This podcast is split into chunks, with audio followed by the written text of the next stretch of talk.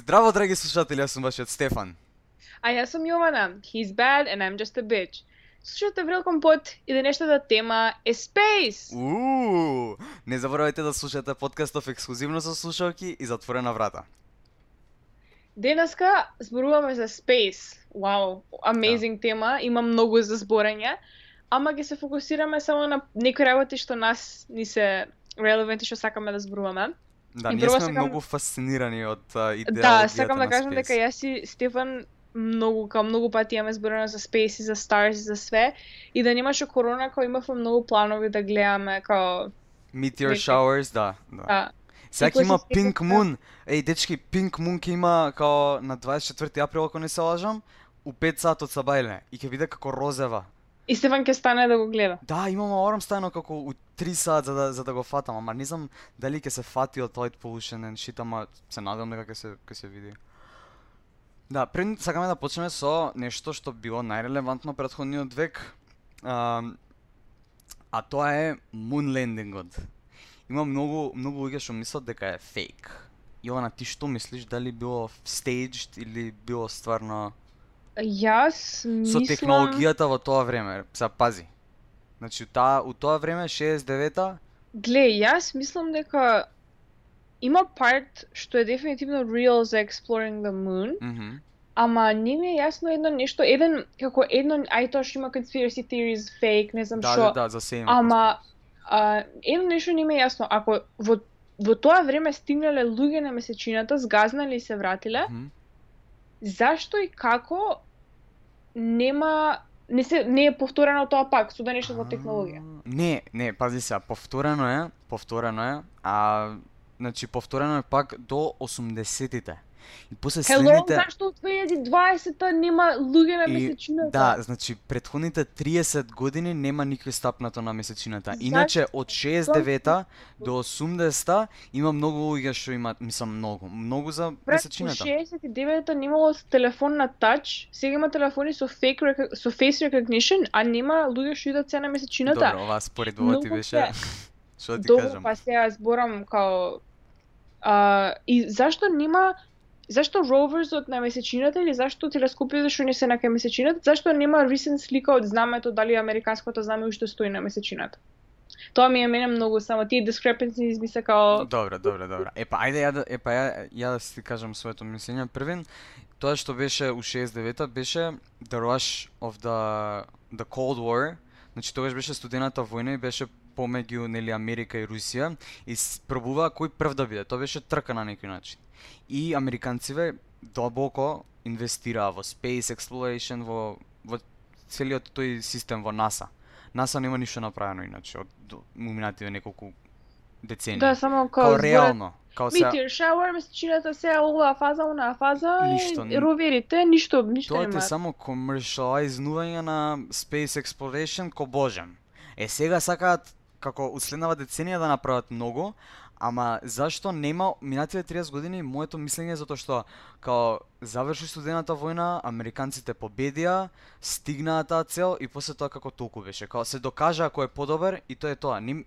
Значи они не го правеа за science да moon landing, они го правеа за да се покажат кој е поголемиот Да, ама ако веќе се покажале зашто не го повторат пак сега да земат као да соберат као примероци, знаеш, поише и сега имаме многу помодерни инструменти. Да, да. И самото тоа што никој пак го нема повторено, тоа ме прави да се сомневам дали и колку е тру тоа што се случило, не како се случило. профитабилна а, гранка. Значи не тоа да, треба многу да се инвестира, значи NASA, SpaceX и на она на Bezos, фирмата што е не, Bloom Bloom нешто, не знам како се вика. Видам. На Bezos Space вакво Пред Безос ќе не купи сите да. на крај. И а, многу како треба да се инвестира, а не се добива многу назад, како што Blue Origin. Да, Blue Origin. Што пари ќе направиш ако отидеш до месечината? Е сега, сега има не- едни нови програми што се многу интересни, као се од 2022 ќе ќе пуштаат луѓе пак 2024 нешто така, сакаат да прават да биде commercialized flying to the moon, да има како комерцијално летање. Е тоа веќе Тоа- може да прави пари. И, Е, да, и мене тоа- тоа ми е сега сега е невозможно пошто ако нема steady stream од астронаути истренирани Добро, што не збориме за сега, не збориме за сега, за понатаком. Значи, они се сака да почнат со тој процес, да однесат луѓе, да видат ситуацијата каква е, па да да пратат 3D роботи за да изградат тие хабс, Мгм. па да Искрено мислам дека тоа со месечината е као премногу голем залак за нас со оглед дека ние целата земја уште си ја немаме истражено. Као океаните си ги немаме доистражено, не знаеме што има Да, океаните. да. Сега на 23 март има а, еден дайвер, група дайверс што а, биле во кругот на Бермуда Triangle каде што има најмногу потонати бродови за да видат каква е климата и струите и еден од нив е missing заради тоа што се унесвестиле двајцата for some reason. Ај, for И some од reason, притисок и милион- мал милион причини може да има. И сега е missing и последното нешто што му снимала камерата било a big giant black blob што не знаат каде е, пошто никаде околината нема ништо место толку длабоко, apparently. Вау. Така да Каде, ние а каде тоа? Во кај како мислиш каде Па каде се случило тоа? У Бермуда Бермуда- Челенга? Аха. Да, Bermuda Triangle. Може да Се снимале срчнеш пошто- колку проценти како истражено? Јас колку што се сеќавам, мислам дека само 3% истражено целиот а, water surface. Мислам дека 97% од океаните не се истражени. Што е огромен процент.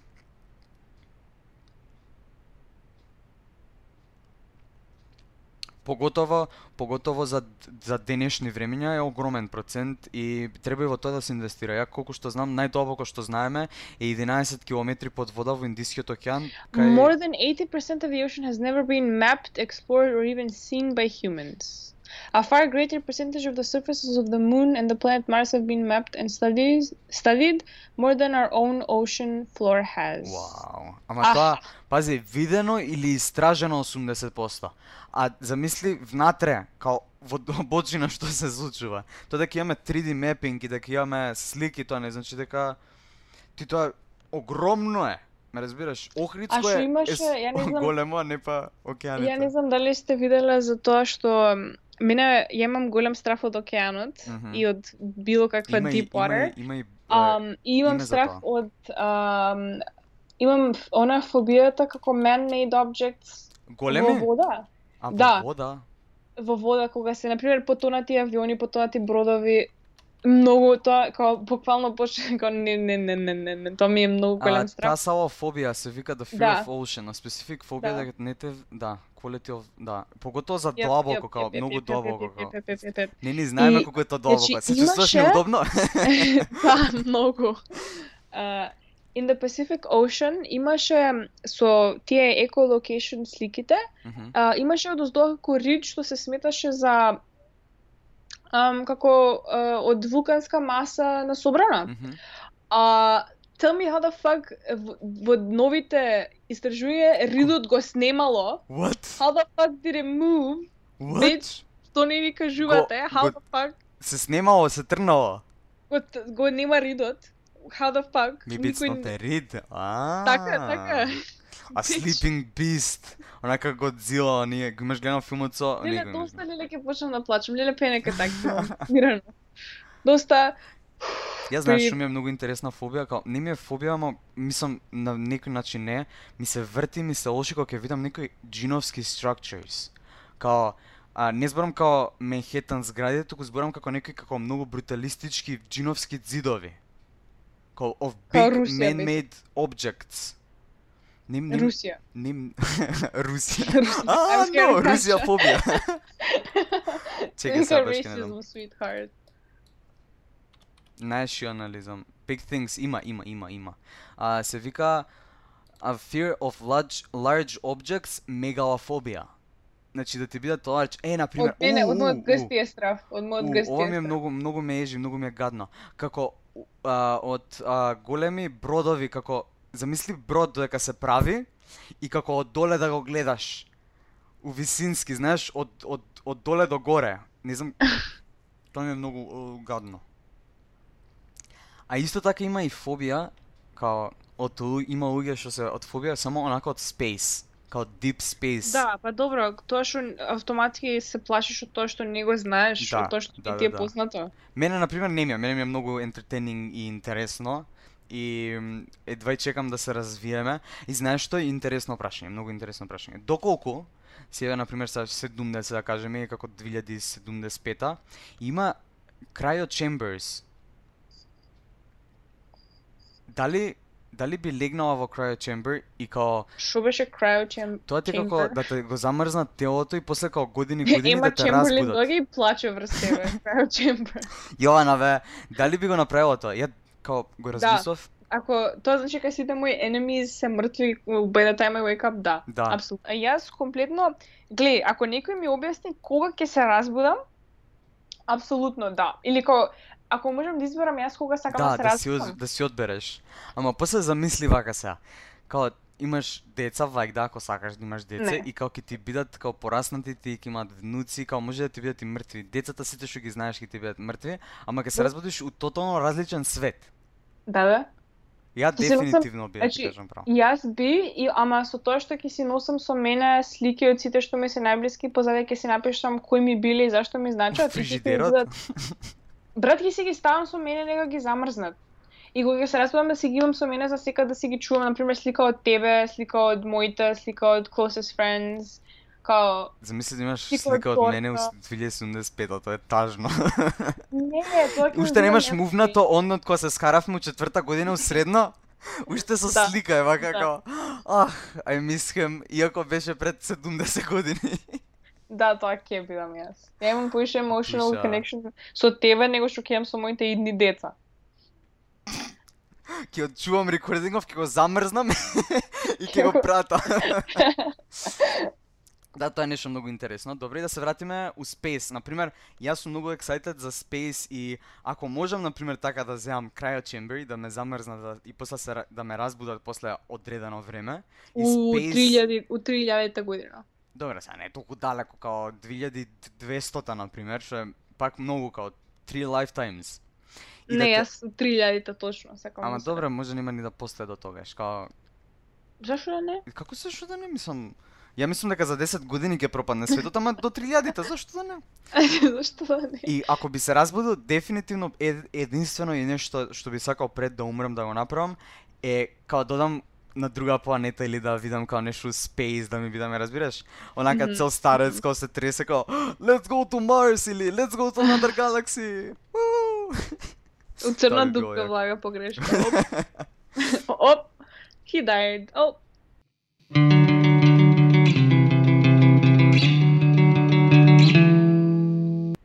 Нешто што е катастрофално трагично е Flat Earthers. Леле. Ако имаме некој што е слушател што е Flat Earther, а, што? Зашто? Као, слушај, слушај, малце да те едуцираме и да те навредиме. Затоа што мислам тоа толку Ако е си flat earther, прекини да слушаш. Не ни требаш во демографик. отворен сум за било каква дебата. Значи, отворен сум за се. Можам за се да дебатирам. Ама ако ми дојдеш и ми кажеш дека веруваш дека земјата е рамна, Губи ми се од пред очи. не, буквално ќе те удрам, као нема ни да пробам да те да ти зборам. Па, Ама нема да те удрам, туку ќе те и зашамарам. Значи, не знам како Лева, може десна. толку мама и тато да не те сака за да веруваш дека планетата е рамна. И кога ќе дојдат со тие доказите, ама А, И да, секад да, да, да, да, со значи нивните... доказите се секад или религиозни или само се out of touch with reality. Или се како, како uh, у начин изразени на scientifically, ама немаат благе везе со science. Како ќе ти кажат тука статистики вака и така и онака и, и ги испадна дека тоа само го изведил од газ или од нивниот а, господ кој што е, а 100% имаат некој што го следат Flat Earth. Ми се свија како the first thing што искача на Google кај напишеш the earth is flat, ти искача no, the earth is not in fact flat. Така треба. И после ти излезе, ама тоа е пропаганда, тоа е, тоа е на Google пропаганда. Абе, ајде, не заебавај се. Square and stationary earth. Значи, волку далеку сме дошле у историјата и у наука, за да ти тука ми кажеш у 2021 дека планетата е рамна. Као, Со толку многу слики, exhibitions и без се... разлика, бе, без разлика, наука е као чиста наука. Не е ова нешто од вчера па да биде ново, као со векови се знае дека дека земјата е рамна. Колумбус отишол имајќи предвид дека е рамна, Со векови се знае дека земјата е рамна. Стефан exposed, exposed, the real truth is out. Не, дека дека земјата уствари кругла и као у 14 век веќе биле свесни, а не сега да сте ми у 21 век и да ми викате дека е рамна. Denied cancel, sorry, moving on на нешто друго. А нештото друго е uh, The Rise of SpaceX, Elon Musk и нашиот uh, Деди Безос со неговијата компани. Не, не. Елон не е дади сега, чекай малку сега, А, кај е добро, ај Безос. Безос едно. Уште, значи Безос е болд и губи статус ако си ако си болд, губиш статус на И дил. Илон Маск беше пред да има пари, ја имаш видено таа сликата? Па добра, ама сега веќе не е. Безос и со парите не си стај коса. И губиш статус на дилф ако немаш коса. I'm sorry, I said it. Ама не си дилф. Ама Илон Straight up, е техникли буквално дилф. straight up from Јована. А, Да. Ова... Добро. Добре, ајде сега да почнеме со проблемите. Значи јас, кој што се спојажав и претходно, ние сме си многу успеси се. И проблемот е со Space, мислам SpaceX. SpaceX е прва приватна приватно оун компанија во Америка која што има многу направено у последниве 10 години, отколку што има NASA направено у претходните 40 години, затоа што уствари а, SpaceX ги боли кур за Space, а NASA ги боли кур што ќе стават на Instagram акаунтот, ама окей. Okay Окей, а I said it, Ова I е said it. Personal call out до NASA До, од Стефан од Инстаграмот, Македонија. до Инстаграм менеджер во NASA. А, да, значи SpaceX многу се поамбициозни од NASA, имаат као многу повеќе планови и као сакаат да Повеќе фандинг. Да. Па и нас имаат фандинг, само што онака иде под под под черга. А овие стварно го користат, Абе, имаат многу направено иновативни технологии. NASA иде за за плат, за платата, за глупости и после буџетот, а епа, е следната тоа, година. да, уште, дајте ни повеќе, ќе работиме повеќе. А, а во SpaceX стварно сакаат да работат со тоа што Еве, на пример, проблемот со Илон Маск е, како што зборевме во претходната епизода, многу е praised, значи ставен е како Господ, како деди, само што кажавме, значи не... Како некој што не знае подобро од било кој човек ќе реша нешто, знаеш, демек он ќе менја, ама уствари нема везе, пошто типот е just as money greedy as Jeff Bezos, али Да. тоа е. Добро, првим да се разбереме нешто. Илон Маск не е а, self-made, мислам да, self-made е милионер, со тоа што доаѓа од пара. Предходно доаѓа од пара, татко му бил а, таму некој главен у мајн во Саут Африка, та и мајки, мајка му исто така била некој што, значи доаѓа од пара, не е не е дека бил сиромашен, многу го ставаат како фамилија е цел живот направена, значи фамилијата е направена од цел живот exploiting човечка Да. работна рака. Да, значи и претходната неговата генерација и сега и он си продолжуваат фамилиарна традиција. Значи Илон Маск не е нешто као Hashtag family values. ќе го земат овие младиве што се финанш финансери и ќе го стават како пример, како некој идол и ќе кажат, а, па Илон Маск немал ништо, он се направил, јас така ќе бидам, ја ќе бидам Така како ќе речат он е он Не. кој он е идол за инселс. Тоа не Да, сум да, да, видела. да, да, да, да, Дека на инселсот им е идол. Извини да ти ги скршам со ништата, ама тато и мама не имаат истите пари како татото и мамата на Илон Маск и не можеш као Да. као не можеш да си приуштиш да одиш на факултет тука, а не па ќе оде во Америка у Уол Стрит. Тоа што тоа што го зборат ам, дека нели Илон Маск после сите пари останал humble hello Како како како мислиш останал humble? Он никад не бил humble за да остане За humble. да за да остане гамбо. Он само се заебава пошто има доволно пари за да изиграва дека е Тони Старк. Не, он е fucking man child. Еј.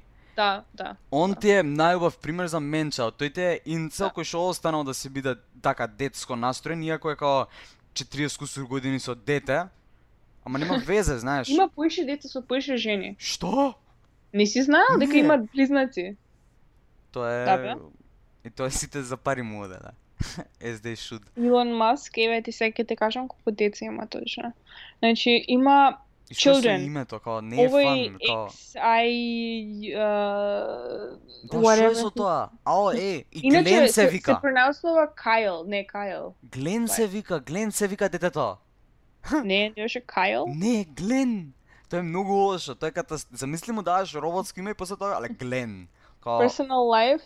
А, имаат first son, се вика Невада, а, што умрел од death, од uh, sudden infant death syndrome.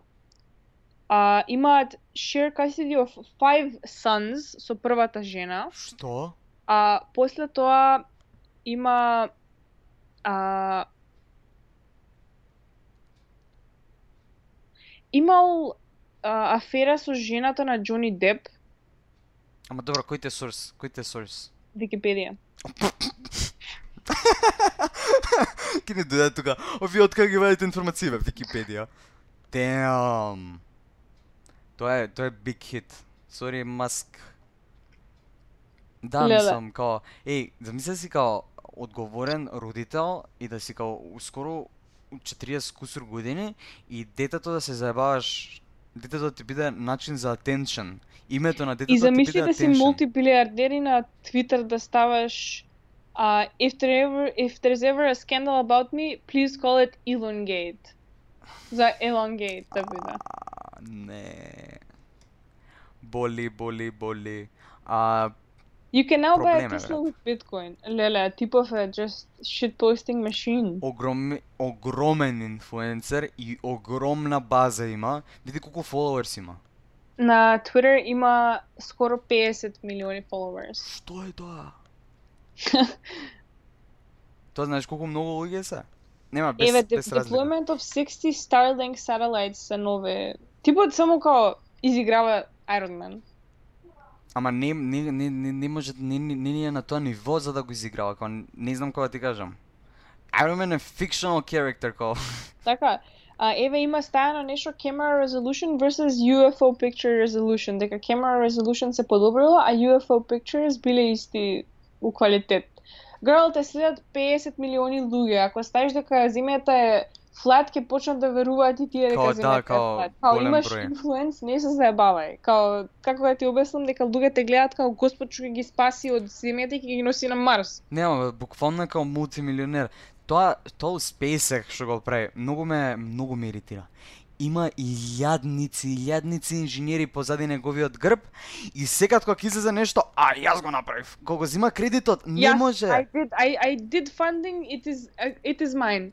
Да. Не, значи не работи тоа така. Не може само да имаш илјадници луѓе кои што ќе бараат некоја солуција или некој решение. Работат кутрите minimum wage за тебе, за ти да бидеш ко I did, I made rocket, Добро, I не работат rocket. минимум wage инженерите, добро, пак имаат добро платење. Тие што ги градат работите Да, ама негови. не, добро, значи, зборам за инженерството и за а, целата таа Добре, да, има brain- многу talented team, Значи, дефинитивно. талентот кој што го имаат тие инженери, он се представува како тој еден човек да направил работа кој што 3000 луѓе го прават. Абе не, не може не иде тоа така. Да, е, ти не да типот не знае за пола од проектите што му се да, дешаваат. да, Тек- како ќе излезе надвори ти како видат ракета и вика како, кој е овој проект? Абе тој што Така. ти го спомна, а да, јас тој го направив. Mm, И. Вестис, Илон Маск releases new rocket, тие таму шест инженери Мгм. денонокно три месеци го цртале, го правеле. Yes, I did, I made rocket. 60, викам дека има 2000 инженери во во вакво. Па добро за еден проект еве 60 ако се. Уга буга, I Значи- made rocket. I have money, rocket is mine. Тоа е катастрофално. Имаш едно име стано позади цела компанија и го кажуваат ко он да прави целото тоа. Куде Господ, куде може да не знам. А знаеш кој друг е тоа? Безос. А, ах. Значи за за Безос и за Маск, значи ги прават луѓето мислат дека они дека они многу ги заболи, дека он- они знаат колку пари имаат или знаат што се дешава со нивните пари или како ќе се здобиваат со тие пари. Нема и да ги знаат, не зна, не, не мислам дека човек чкиот а, мозок не може да да има перцепција на тоа колку се колку е милиарда, а колку се 200 милиарди, како ние не можеме да замислиме. Као у- Да. као цела Македонија има 10 милиарди у ГДП. Илон Маск го има тоа 20 пати. Илон Маск ја има Македонија 20 пати. Не знам како да ви кажам, као видете низ прозорец и као разгледајте го градот на лево на десно и као видете замислете дека Илон Маск го има 20 пати тоа. Мислам, многу глупа логика ама не можеме ние да перцепицираме колку многу пари се тоа. И сега Безос, затоа што а, е, нели, а, бизнисменот што е, зима и прави Ion Space компанија. Blue Origin. Он, Blue Orgy. значи, он нема веза од Space. Океј, тоа не е солиден аргумент. Бил Гейтс нема веза од вакцини, па ете го еден од најпродуктивните луѓе у пандемијава. А нема Да, веза од вакцини. Ама човекот фондира, дава, помага у Африка, немате поима колку има направено промена за за вода, за за вециња, за за храна. Значи Бил Гейтс колку и пари да има, он пак ги инвестира. Знаете дека целото богатство Бил Гейтс што ќе го има, не го остава на децата? Да, Се го- сите пари што ги има ќе ги даде на на кога ќе умре, сите пари одат у хуманитарни акции. Да. А децата добиваат само free education, не free education, им го плаќа а, с- вакво коледжот и после коледжот не добиваат ни долар. Да, нешто имаше зборено they can only use uh, my money if they come to visit me and they want to raid my fridge, нешто такво беше. Као другото Као нормал став, као да, да, да. Да. бидеш humble. И човеков стварно не е humble, значи пак е мултибилионер и пак не го сакам и пак е а, капи... Најак капитализам. Ама, пробува се труди. Безос и Маск само ти се пара машина. Ама не Да, на пара, да, туку на да. пара, како пара, као мани, мани машин. Ме разбираш? ау. Ме разбираш? Фора Money тука право. Ајде, ајде, ајде 100 gigs fans flood the server. М, Добре, тоа ќе окатнеме. Ам, Па не знае, добро тоа ќе кажеме.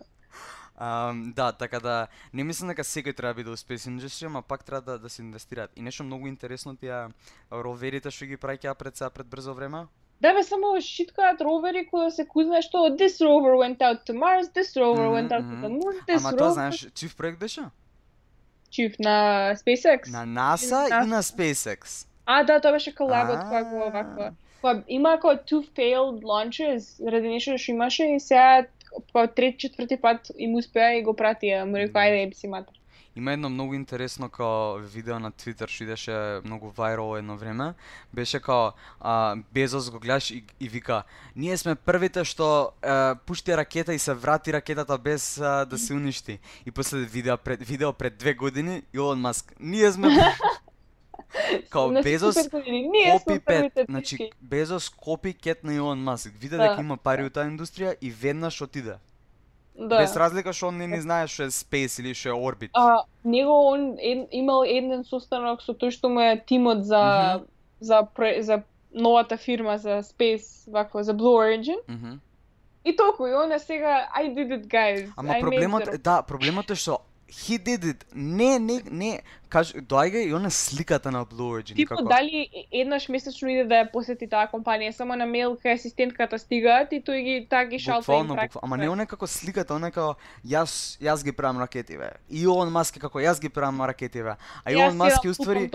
Илон Маск е уствари компјутер гик кој што парите му дојде од PayPal. Значи, они како сите Да. други познати луѓе, само а, source на мани му беше интернет кога почна и кога направи сајт за пренесување пари и бум. Да, да. А он после тоа отиде на Луѓето коли. мислат дека они а, о, луѓето мислат дека он има некој љубов за space. Не, он има љубов за пари. Да, И ќе направи Boring за тие Company, пари. Boring Company, flamethrowerите, flamethrower направи и го продаваше. Само дека Да. може. Сад такива Он- продава, значи, шише такива. Значи, мене, јас ми се распадна сонот за Илон Маск е и- и- е, environmentalist, Мгм. која видов дека сака да пушти, не знам, таму 60 до 80 а, Starlink сателити за да има интернет на секаде да биде брз интернетот. Тоа ќе направи толку light и sound pollution што земјата, значи не може не може да добие не може нема може да се добие чиста слика од месечината. да, многу е, многу е проблемот. И бев како тоа кој actually сака да го направи како а тоа нели ќе добие многу многу многу пари, како ќе му се дуплира Да, да, да. инкамот. Не, ама после го гледаш на видео и вика, кога можеме цела Америка да да ја powerнеме by solar panels, само ако земе едно парче од Јуто.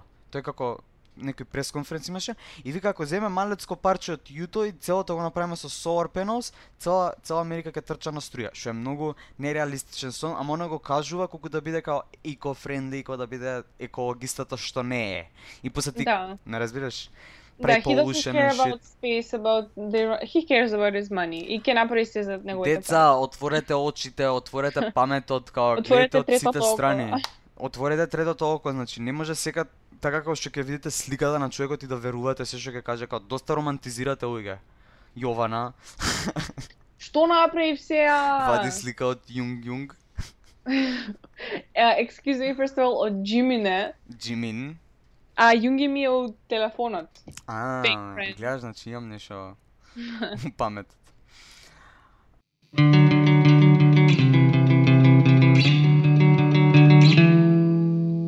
2030 барем според хедлайнзот на артиклзот кои што цело време ме бомбардираат, а ќе биде една голема година кога што ќе одат луѓето на Марс. Цело време ги имаш овие артикол 2024, па, ќе одиме да. ваму 2026, 2028, и после ништо не испегам.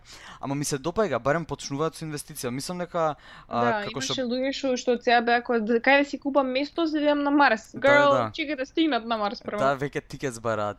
Као што беше трката со Русија и со Америка за кој прв да стигне, е па сега кога почна Илон Маск и Безос да се влегуваат во овие а, сектори, почнува трка кој попрв да оди на да, натаму. е за Марс. И тоа е добро за нас затоа што ние ќе го експериенсаме во нашиот Да, животен нашиот- век. Да. Да. Тоа Да, дека онака ќе стигнеме до негдека. Ќе го видиме првиот човек што ќе стапне на Марс, така некако. Да. Или Само значи че мене многу, пошто Space е многу малку explored и вие мислите дека ни- нашиот у нашата галаксија само тоа што ни е Milky, ова Мгм. mm Тоа орбиталава. е ствари најмалецко од најмалецките. Буквално никој не може да ти докаже дека нема друга планета околу нас што имаше еве нели открија сега нова планета што е исто како Earth. Да. Нели? Да, да, да, да, да. е да. поголема. Од кај знаеш дека немаше три такви планети? Не знам зашто трката е за Марс. Што се фатиле за Марс? Тоа не ми е стварно јасно. Абе, бизнис, бизнис, брате. Да, пошто сите деца ако им кажеш кажи one other planet освен Earth, Mars, одма. Ама не, као бизнис се сети тоа тоа тоа тоа commercializing и ќе ти доаѓаат и као туристи and shit. Тоа ти е како најблиска сел и као највозможно име. Да. А, а тоа што викаш као живот, не само планети слични, живот на друга планета, јас мое мислење, верување уствари, дека дефинитивно има. А и да, дали сте доволно глупи да мислите дека ако има над над значи над трилион бројка на планети, дали мислите дека само значи нема математички или статистички шанса дека само на една од тие планети има живот? Еве веќе ако веќе бидеме као scientific, Значи нема шанси. не- да, дека не, да не е ние. поддржано. Не е поддржано да има над трилион планети и на ниту една од тие планети значи, освен на земјата, не, ние. не сме не сме толку special. That's the bottom Да. line. Ама not сме ни свесни, бе, ние немаме појма, ние сме една трошка, буквално така. Да. Да. И кога ќе ти кажат што е purpose на life, не може да го одговорат тоа прашање затоа што тоа е толку нерелевантно. Значи ние сме толку нерелевантни, тоа прашање што е целта на животот не е важно. Да, мене За the greater- сега, Кога некој ќе праша што е целта на животот, ја порелевантно или покао не знам, подобро ми е прашањето што е целта на универзумот. Заради тоа што универзумот не е многу луѓе не сакаат дека универзумот не е само универзумот не е place, универзумот е time Мгм.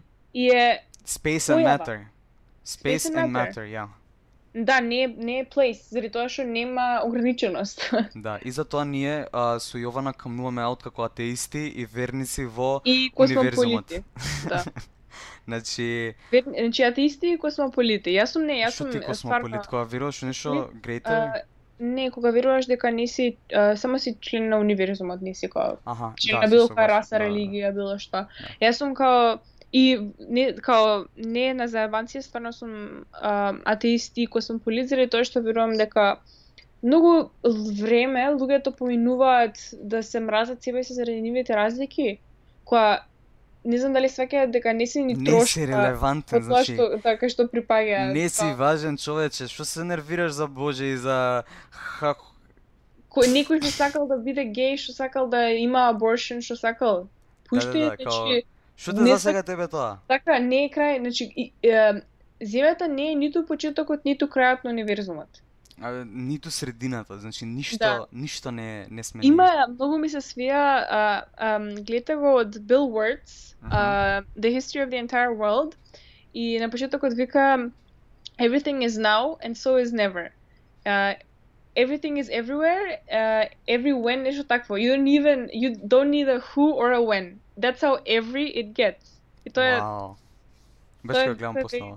Ми се добега како стигнавме до оваа порака дека не сме важни, дека као fuck it. Никој од вас не е важен. Кога почнавме, ајде да збориме за space и влеговме после у капитализам и у богати луѓе и после само на крај дојдовме као не сме важни, ама супер вакво. Existential crisis, кејам Да. после епизодава. И сакам сакам уште нешто као кратка точка да кажеме, као colonizing new planets, као допревме на точкава, а со зашто сега Марс и други, многу многу ми е интересен концептот на идење на други планети. Не Марс, као надвор од нашиот од нашиот а, систем и као exploring и као Да, да им се појавуваш еден ден на некој и си као, hey guys, да, и као не се разбирате, као многу е многу е интересната. Знаеш како? Dream on. Да, да, и сакам да стигнеме до поента кај што не само што ќе нема да учиш ти на школа друг јазик од твојата планета, туку ќе Мгм. учиш јазик од друга А, планета. да, тоа е Како- многу јако. Како foreign language. Како да биде као standardized.